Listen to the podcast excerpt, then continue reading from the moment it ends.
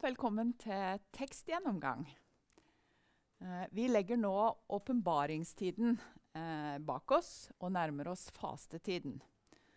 Men på søndag er det såmannssøndagen. Eh, og fra gammelt av så hette denne søndagen søndag sexagesima, den 60. dag før påske. Men nå heter han altså bare såmannssøndagen. Og bakgrunnen for navnet såmannssøndagen, det er lignelsene om såmannen. Som normalt er prekentekster på, på denne dagen. Og så markerer søndagen også bibeldagen. Og det er en god dag å markere bibeldagen på. Eh, F.eks. i Lukas 8, som er dagens fortellingstekst, sier Jesus i vers 11.: Såkornet er Guds ord. Denne dagen er det altså et særlig fokus på ordet, med litt ulike aksentueringer i de ulike tekstrekkene. Og nå er vi i tredje tekstrekke, eh, og prekenteksten for kommende søndag er ikke evangelieteksten, men den gammeltestamentlige teksten. For fra 1977 så har Den norske kirke hatt en ordning hvor Kirkemøtet har valgt ut noen alternative tekster deriblant noen gammeltestamentlige tekster, som prekentekst. Og dette har bidratt til, og bidrar til, at større deler av Bibelens mangefasetterte og rike innhold er blitt tematisert i prekenene. Og kommende søndags prekentekst føyer seg inn blant disse dagene med prekentekst fra 5. Mosebok. Den første leseteksten er Matteus 13, vers 24-30.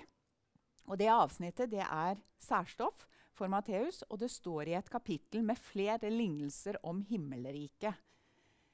Og Himmelriket er som kjent Matteusevangeliet sin betegnelse for Guds rike. Flere av lignelsene i dette kapittelet hvis dere leser gjennom det, vil dere se tar utgangspunkt i såing og såkorn. Den første lignelsen i kapitlet er særlig opptatt av jordsmonnet. Det er den kjente lignelsen om eh, såkornet eh, som faller på ulik grunn. Lignelsen understreker betydningen av godt jordsmonn for at ordet skal spire. Søndagens lesetekst derimot er opptatt av ugresset. Han la fram for dem en annen lignelse og sa:" Himmelriket kan sammenlignes med en mann som hadde sådd godt korn i åkeren sin. Og mens alle sov, kom fienden hans og sådde ugress blant hveten og gikk sin vei. Da kornet skjøt opp og satte aks, kom også ugresset til syne. Tjeneren, eh, tjenerne gikk til jordeieren og sa, 'Herre, var det ikke godt korn du sådde i åkeren?' Hvor kommer da ugresset fra?' Det har en fiende gjort, svarte han. Tjenerne spurte han, Vil du vi skal gå og luke det bort? Nei, svarte han. For når dere luker bort ugresset, kunne dere samtidig komme til å rykke opp hveten. La dem begge vokse der sammen til høsten kommer.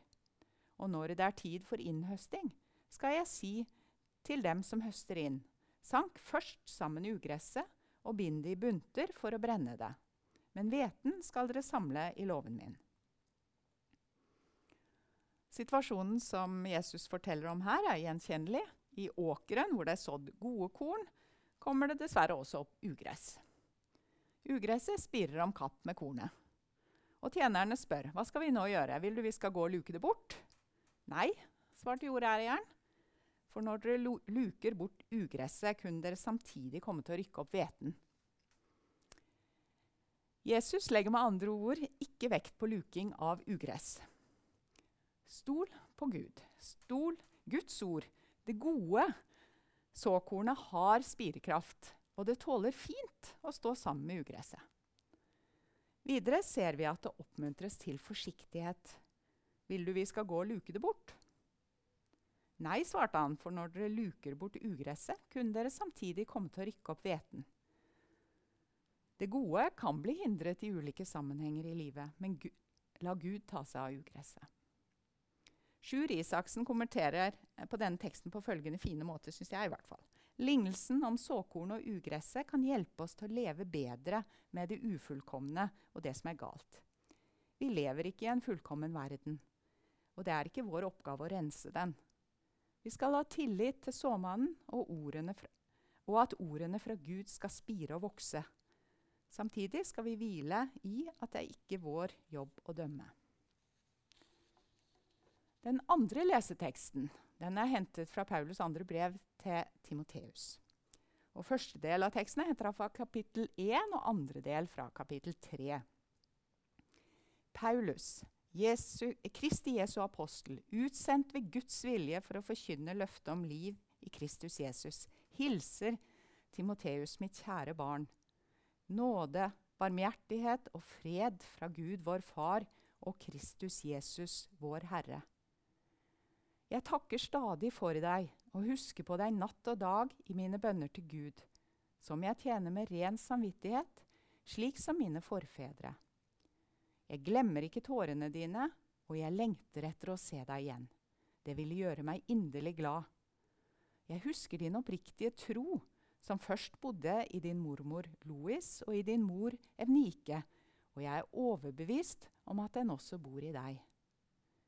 Men du skal holde fast på det du har lært og er blitt overbevist om. Du vet jo hvem du har lært av. Helt fra du var et lite barn, har du kjent de hellige skriftene, de som kan gi deg visdom til frelse ved troen på Kristus Jesus. Hver bok i Skriften er innblåst av Gud og nyttig til opplæring, tilrettevising, veiledning og oppdragelse i rettvær. Så det mennesket som tilhører Gud, kan være fullt utrustet til all god gjerning.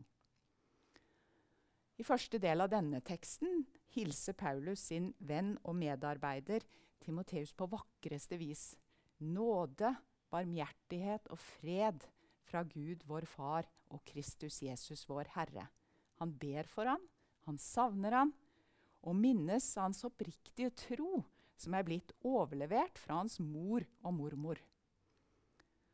Og I versene fra kapittel 3 så følges temaet med overlevering, eller kanskje vi kan si trosopplæring, opp. Du vet jo hvem du har lært det av. Fra Timoteus var liten, så har han fått opplæring i troen og i Skriftene. Og Skriftene de inneholder Guds ord, det virkekraftige ordet, som vi har hørt om i Matteusteksten. Preketeksten den er henta fra 5. Mosebok, eller Deutronomium, som den heter på gresk, i Septuaginta. Og Deutronomium det betyr jo direkte oversatt 'den andre loven'. Det er ikke en ny lovbok, men i boken eh, står israelsfolket samla like øst for Jordanelva. De er klare til å dra inn i det lovede landet etter 40 år i ødemarken, og så taler Moses til folket. Og i denne talen minner han dem på Guds trofasthet og frelse, hvordan Gud har ført dem ut av Egypt og har tatt vare på dem i ødemarken. Og han minner dem på lovene og forskriftene de har fått ved Sinai, og understreker viktigheten av å etterleve dem i det lovede landet. Og så avsluttes 5. Mosebok ved at Moses tar avskjed med folket og dør.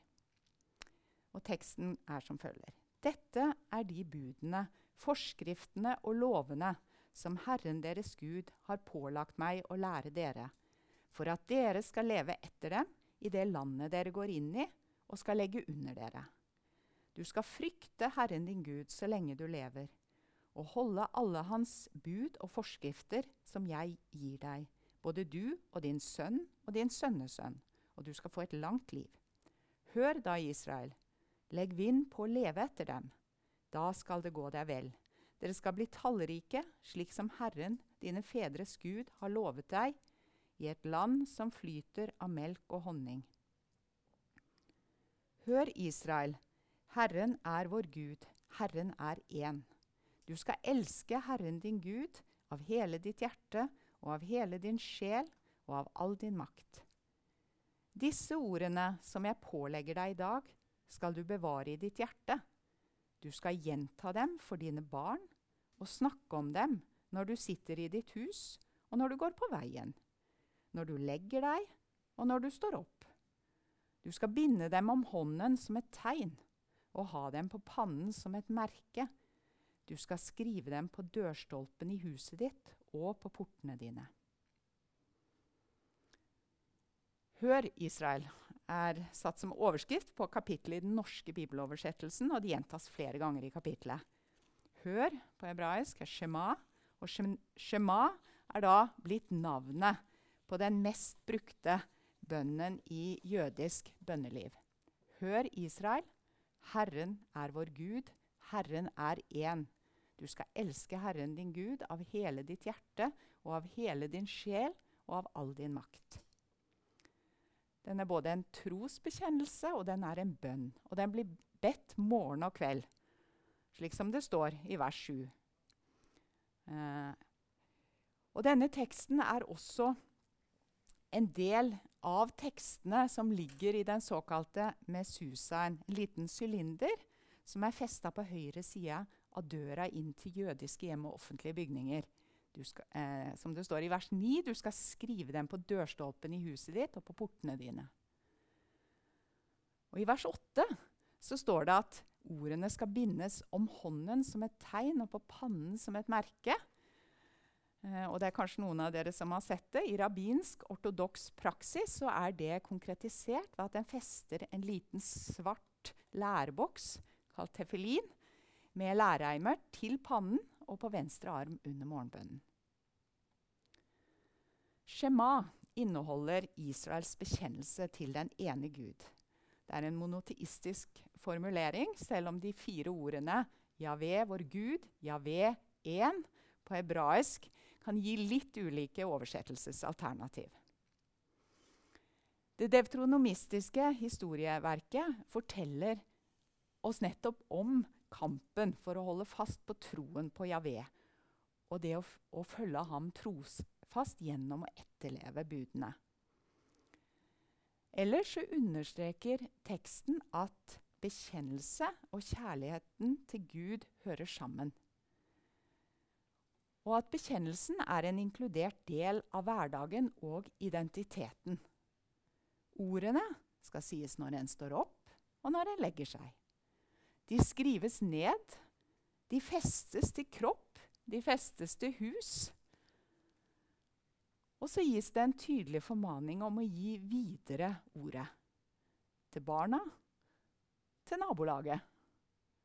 Du skal gjenta dem for dine barn og snakke om dem når du sitter i ditt hus, og når du går på veien.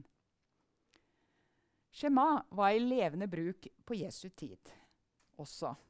Og Jesus ba utvilsomt bønnen. Og Jesus viser jo også til denne da han ble utfordret på hva som er det største budet i loven. Da svarte han nettopp med du skal elske Herren din Gud av hele ditt hjerte og av hele din sjel og av all din makt. Og så la han til budet om nestekjærlighet, om kjærlighet til nesten. Også i dag så utfordres vi til å leve i kjærlighet og tillit til Gud og kjærlighet til Gud og våre medmennesker. Vi som er Guds kirke på jorden, vi er kalt. Vi er kalt til kjærlighet, vi er kalt til tillit til Gud. Vi er kalt til et liv i omtanke og kjærlighet for våre medmennesker. Konkretisert gjennom budene og forskriftene som Gud gir. Prekenen på søndag gir gode muligheter til å utforske dette temaet videre og også snakke om hvordan vi kan formidle vår tro og ordet videre ut i hverdagen. Fra morgen til kveld. Til de vi bor sammen med. Ikke minst til barna og ungdommene. Og folk i vårt nærmiljø og videre ut. Guds ord skal bevares i hjertet, men det skal ikke gjemmes bort. Det skal formidles gjennom nærvær handling og ord. La oss be. Livets Gud, i din nåde har du sådd ordet ditt blant oss. Vi ber deg, la oss få ta imot ordet, så det kan vokse og modnes i oss til den dagen ditt rike blir fullendt ved din Sønn Jesus Kristus, vår Herre. Som med deg og Den hellige ånd lever og råder, en sann Gud, fra evighet og til evighet. Amen.